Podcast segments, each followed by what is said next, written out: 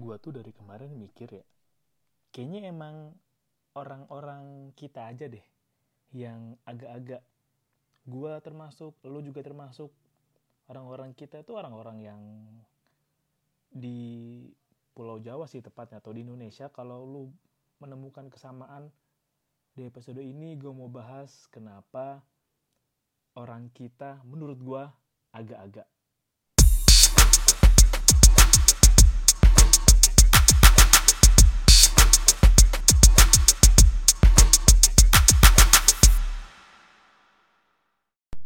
disclaimer dulu atau ngomong di depan dulu ya. Ini yang gue lihat dari tempat-tempat yang pernah gue datengin.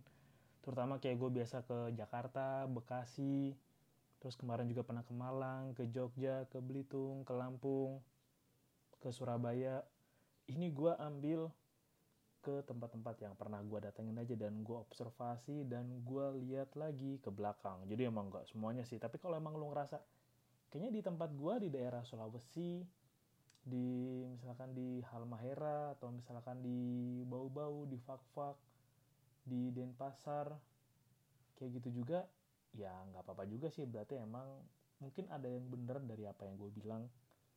Mungkin juga bisa jadi salah. Jadi ya gue harap lo juga mau gitu lo perhatiin masyarakat di sekitar lo. Sebenarnya emang gampang sih kalau menurut gue ya. Mengapa gua, uh, mengapa lo bisa ngeliat apa yang terjadi di daerah lo dan lu bisa bandingin apa yang ada di Jakarta. Karena kalau emang sekarang Jakarta itu kan masih jadi ibu kota. Masih jadi etalasenya Indonesia lah. Dan di Jakarta itu emang banyak banget orang yang merantau dari beragam kota, daerah, suku, budaya. Jadi apa yang gue lihat seenggaknya ya hampir bisa mewakilkan lah hampir keseluruhan. Dan digabung juga yang kemarin pas gue jadi saksi untuk partai kan gue jadi tahu kayaknya emang masyarakat kita aja yang ya begitu. Itu dimulai dari gue nggak tahu ya tapi ini gue rasa sih kendala di kota-kota besar kayak di Jakarta. Kayaknya emang orang kita tuh agak-agak agak-agak susah disiplin. Ini pas gue alamin kemarin pas gue jadi saksi untuk partai gue lihat tuh emang gue nggak tahu kenapa ya. Susah disiplin atau emang belum terbiasa disiplin? Jadi ya kalau di, diminta ngantri belum mau.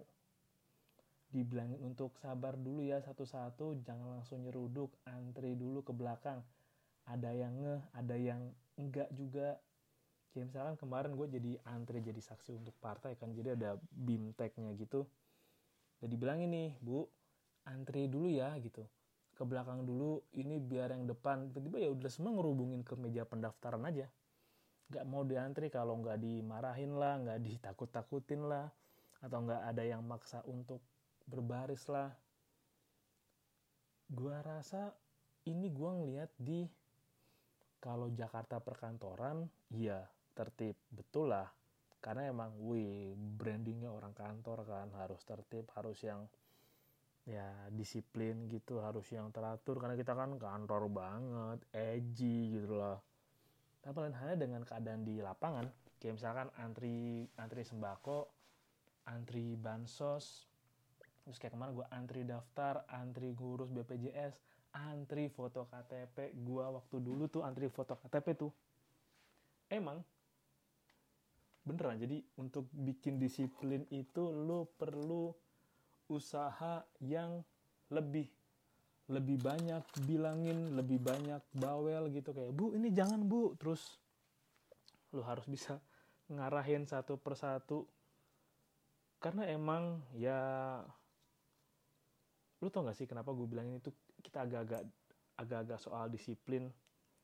Ini mungkin akan kedengarannya enggak apple to apple tapi ada kesamaan ya. Kayak misalkan oke lah masyarakat kita emang masih belum terbiasa untuk disiplin. Terbukti dari ini menurut gue sih, menurut gue dari orang-orang yang sebenarnya emang dia nggak nggak perlu banget prioritas pakai for rider, bukan keperluan urgent mendesak, tapi maksain dia kan berarti nggak disiplin di jalan raya kan harus butuh bantuan biar bisa jalan lebih cepat.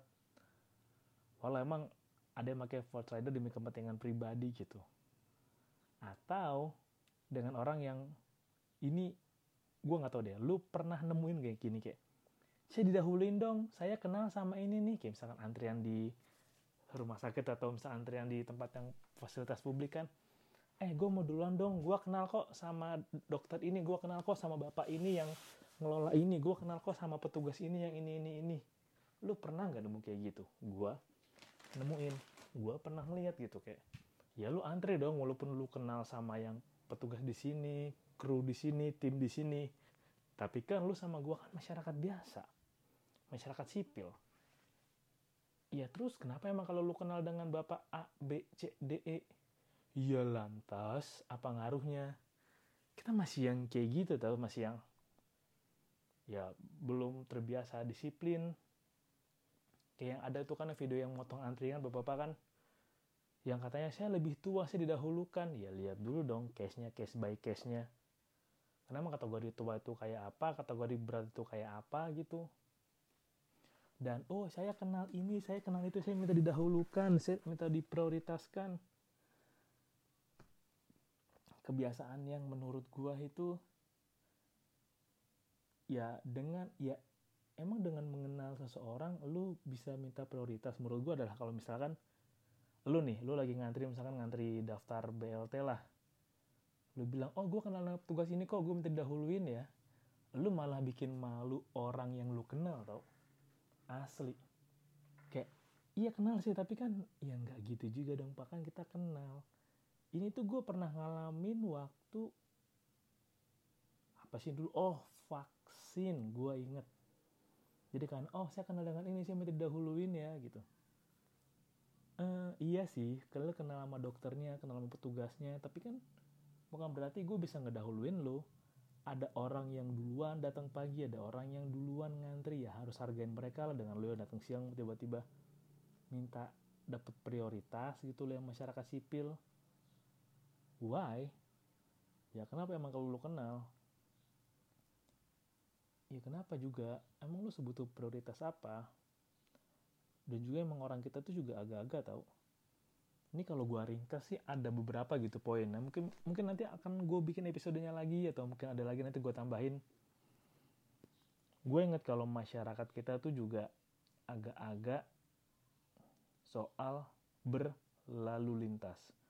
Kemarin di dekat rumah gue ada gue nggak tahu ya ada kejadian yang harusnya ini tuh jalanan nggak macet tapi karena ada orang yang motong dari kanan terus lama-lama jalan jadi satu arah dan macet total. Gue pernah kejebak di situ. Harusnya gue berangkat sejam dulu ke kantor bisa sampai dua jam setengah. Sejam setengah sendiri macet nggak gerak, stuck, panas, lepek. Belum pamit amit-amit kalau lagi hujan. Ih, lu pernah nggak kejebak kayak di jalan kayak Cikarang atau jalan raya yang panjang atau jalan semi jalan raya yang panjang lu kejebak karena harusnya jalan dua arah. Tapi orang-orang selalu ngedahuluin dari kanan dan lu kejebak macet. Udah pakai helm full face lu pakai jaket panas udah pakai kemeja udah pakai sepatu udah pakai kaos dalam juga lu bawa tas. Lumayan berat isinya. Anjir. Lu kan yang bikin jalanan ini tambah macet. Masyarakat kita yang lu nih yang bikin macet kenapa lu jadi tambah macet sih?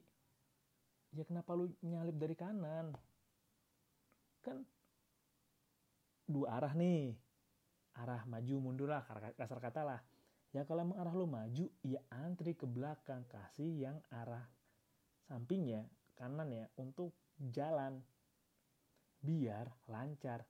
Antri dikit nggak apa-apa. Sabar dikit nggak apa-apa maksud gue dari 24 jam yang lu punya dalam satu hari dari 70 tahun umur yang lu punya dari 365 hari dalam setahun 366 hari dalam setahun terus lu nggak mau sabar gitu selama 20 menit demi perjalanan lu lancar?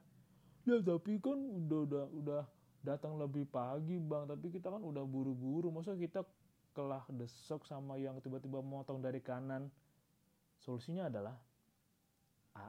Naik transportasi umum. B. Datang lebih pagi lagi.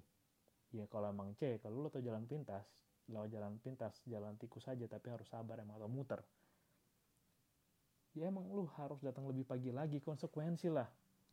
Ya emang gue pernah kok gue biasanya berangkat jam 6.15 gue berangkat setengah tujuh macetnya su jadi terlambat sejam kalau gue berangkat lebih awal 15 menit gue bisa sampai tepat waktu emang itu harga yang harus lu bayar ketika lu bekerja di ibu kota atau di daerah pusat ekonomi. Ya emang resiko resiko ketika lu kerja di tempat yang sebagai pusat ekonomi, kemacetan di jalan itu emang ya udah resiko. Lo meminimalisir resiko itulah. Jangan berpikir bahwa nanti aja deh tunggu ada jalan baru, tunggu dibikin jalan baru, tunggu ada kebijakan WFA, WFO, WFA, what the fuck. Ya daripada lu nunggu kebijakan itu dibuat ya mending lu atur buat diri lu sendiri. Kebiasaan orang kita emang kalau apa-apa itu serba mepet mepet mepet. Giliran udah hamin satu baru gerusa gerusu geruda geruduk hamin dua geruda geruduk geruda geruduk pas hamin tiga hamin empat santai-santai aja tidak ada beban hidup enteng. Kalau emang gua gue emang terbiasa untuk kalau mau dikasih tugas hamin 7, hamin 6, hamin 5 gue udah kerjain. Biar hamin 3, 2, 1 gue bisa chill bisa santai rebah-rebahan koreksi-koreksi tipis. Kayak gitu emang. Jadi yang gak apa-apa lah berkorban di awal. Gue suka bilang di episode ini atau di bagian di senior gue beli masa depan. Ya beli masa depan jadi nggak apa-apa lah bersusah sekarang berkorban sekarang demi hal di masa depan. Tapi kan kalau emang udah berkorban di masa depan terus kita nggak tahu hasilnya kita rugi juga bang. Nanti nyesel juga bang. Udah sediain waktu di depan udah effort di depan udah berjuang di depan. Terus nanti di ujung-ujungnya malah kita usaha lagi. Ya memang bener tapi kalau lu nggak ngelakuinnya dari sekarang nggak lo cicil dari sekarang di masa depan malah pekerjaan lo apa yang lu tumpuk bakal lebih banyak. Jadi ya emang lakuin di awal-awal aja biar kalau ada tantangan ke depannya atau ada hal yang harus lu selesaiin ke depannya lu udah bisa handle itu duluan. Beli masa depan. Makanya kayak ya sabar dikit kenapa bro? Kayak lu cukup sabar 15-20 menit demi hemat sejam. Bukan ya lu demi hemat 30 menit lu ngorbanin sejam diri lu. Atau lu dipikir biar bisa cepet 10 menit ke depan lah gitu lu ngorbanin 50 menit ke depan. Gue masih gue nggak tahu gitu. Emang orang kita agak-agak aja kenapa ada pikiran kalau jalanan lagi macet selalu dahuluin lewat kanan biar bisa lebih cepet gak ngerti sih gue gak ngerti kenapa. Ya kenapa gitu. Itu kan logika dasar ya dasar banget malah. Ngantri aja logika dasar. Yang dasarnya begitu. Nah gak ngerti gue nah gue lagi mikir lagi orang kita tuh juga agak-agak. Ini mungkin tapi ini sejauh gue lihat ya kalau di luar negeri ada Karen gitu kan kayak SJW SJW yang suka ngurusin hidup orang kita lebih kenceng warganet yang ngurusin hidup orang. Ih gua kemarin lihat di TikTok si Rahel V-nya kan dan gue baru tahu Rahel V-nya ternyata adik kelas gue di SMP gue nggak inget beneran mukanya. Maaf ya gue nggak inget nggak inget beneran. Uh, itu dia kan post foto sama cowok kan terus ih komennya di TikTok julid kali orang-orang itu julid kali cem sempurna itu hidup orang itu cem. Permasalahan hidupku sudah kelar. Saatnya kita mengomentari hidup orang-orang ya tidak begitu dong bang Syed ya itu kan hidup orang mau dia sama siapa sama kalian mau mau dia sama siapa mau dia pergi sama siapa gitu.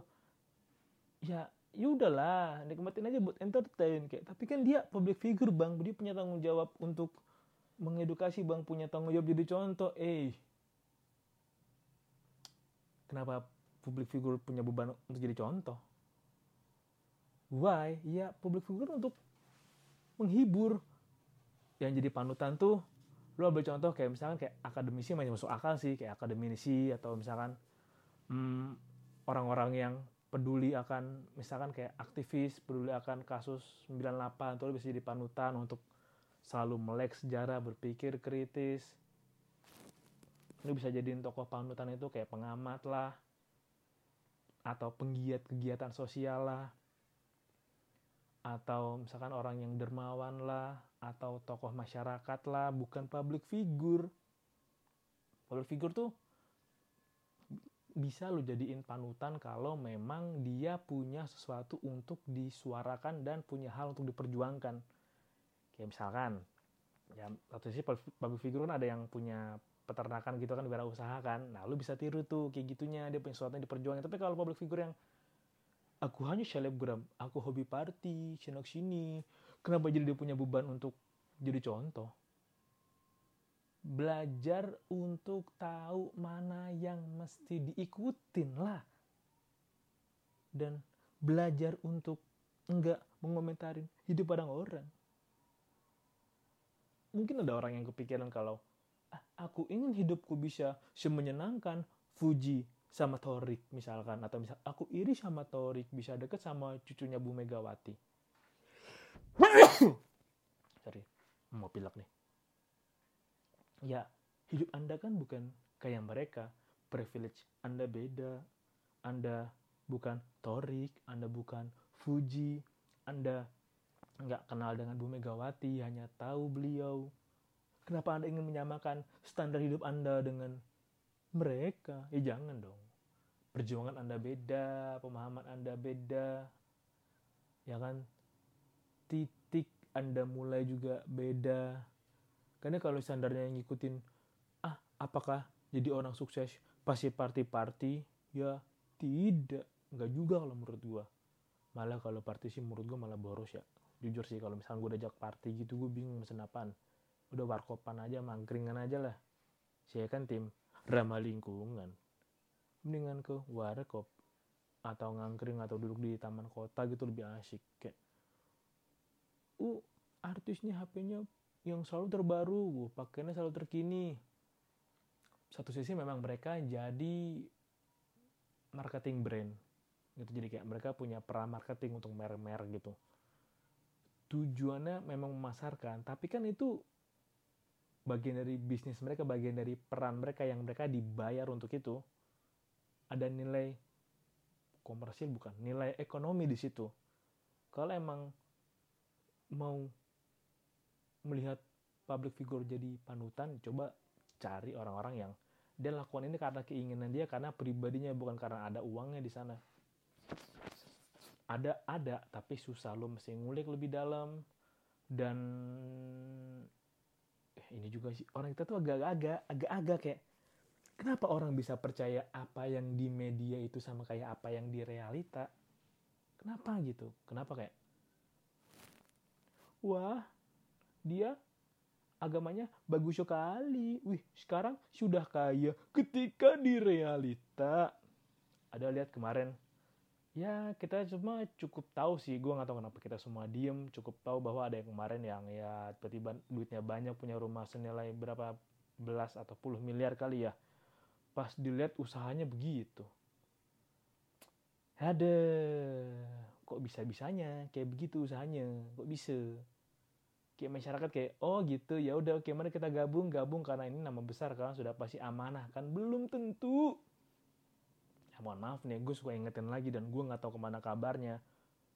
Orang-orang yang kemarin beli koin Angel Elga atau beli koin artis siapa itu gimana kabarnya sekarang? Naikkah duitnya kah? Atau duit kalian hilang kah? Udah mereka kalian nggak mau nerima eh, nggak mau ngelawan gitu kayak ke mana duitku? Ini bukan jadi invest tapi kondisinya turun terus. Gimana sekarang apa sudah ada investasi invest, sudah naikkah hasil investasinya kah? Ke mana? Kenapa diem aja? Sudah ikhlas kah? Kayak ah nggak apa-apa dibohongin artis lah yang penting udah deket sama artis udah bisa ngobrol sama artis sudah kenal grupnya artis. Jangan gitu pola pikirnya lah. Jangan gampang dibohongi jangan. Duit kalian tuh nyarinya susah.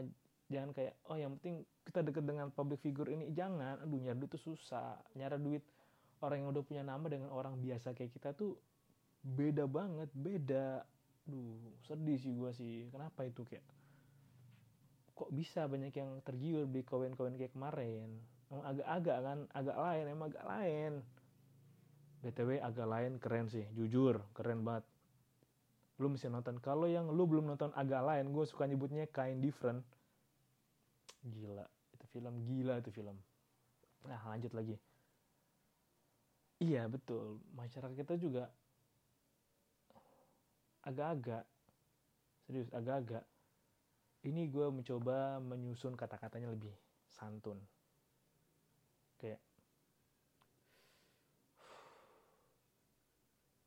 agak-agak sih gue maaf ya gue harus mengatakan ini tapi kenapa hal yang salah tuh dilumrahin? Ah nggak apa-apa. Ntar ke depan juga nggak gitu ini akan nyambung ke banyak hal sih tapi gue mungkin akan mecah ini di bagian episode lain atau di bagian lain lah. Kayak ya ini kan ada hal yang salah terus dia nggak benar karena ah nggak apa-apa karena yang penting dia ini mau dia bikin salah nggak apa-apa lah yang penting aku mengaguminya.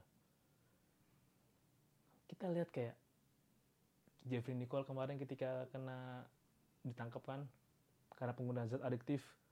Beda sama orang biasa tuh yang fisiknya nggak kayak Jeffrey Nicole terus perlakuannya beda. Kenapa? Kenapa begitu?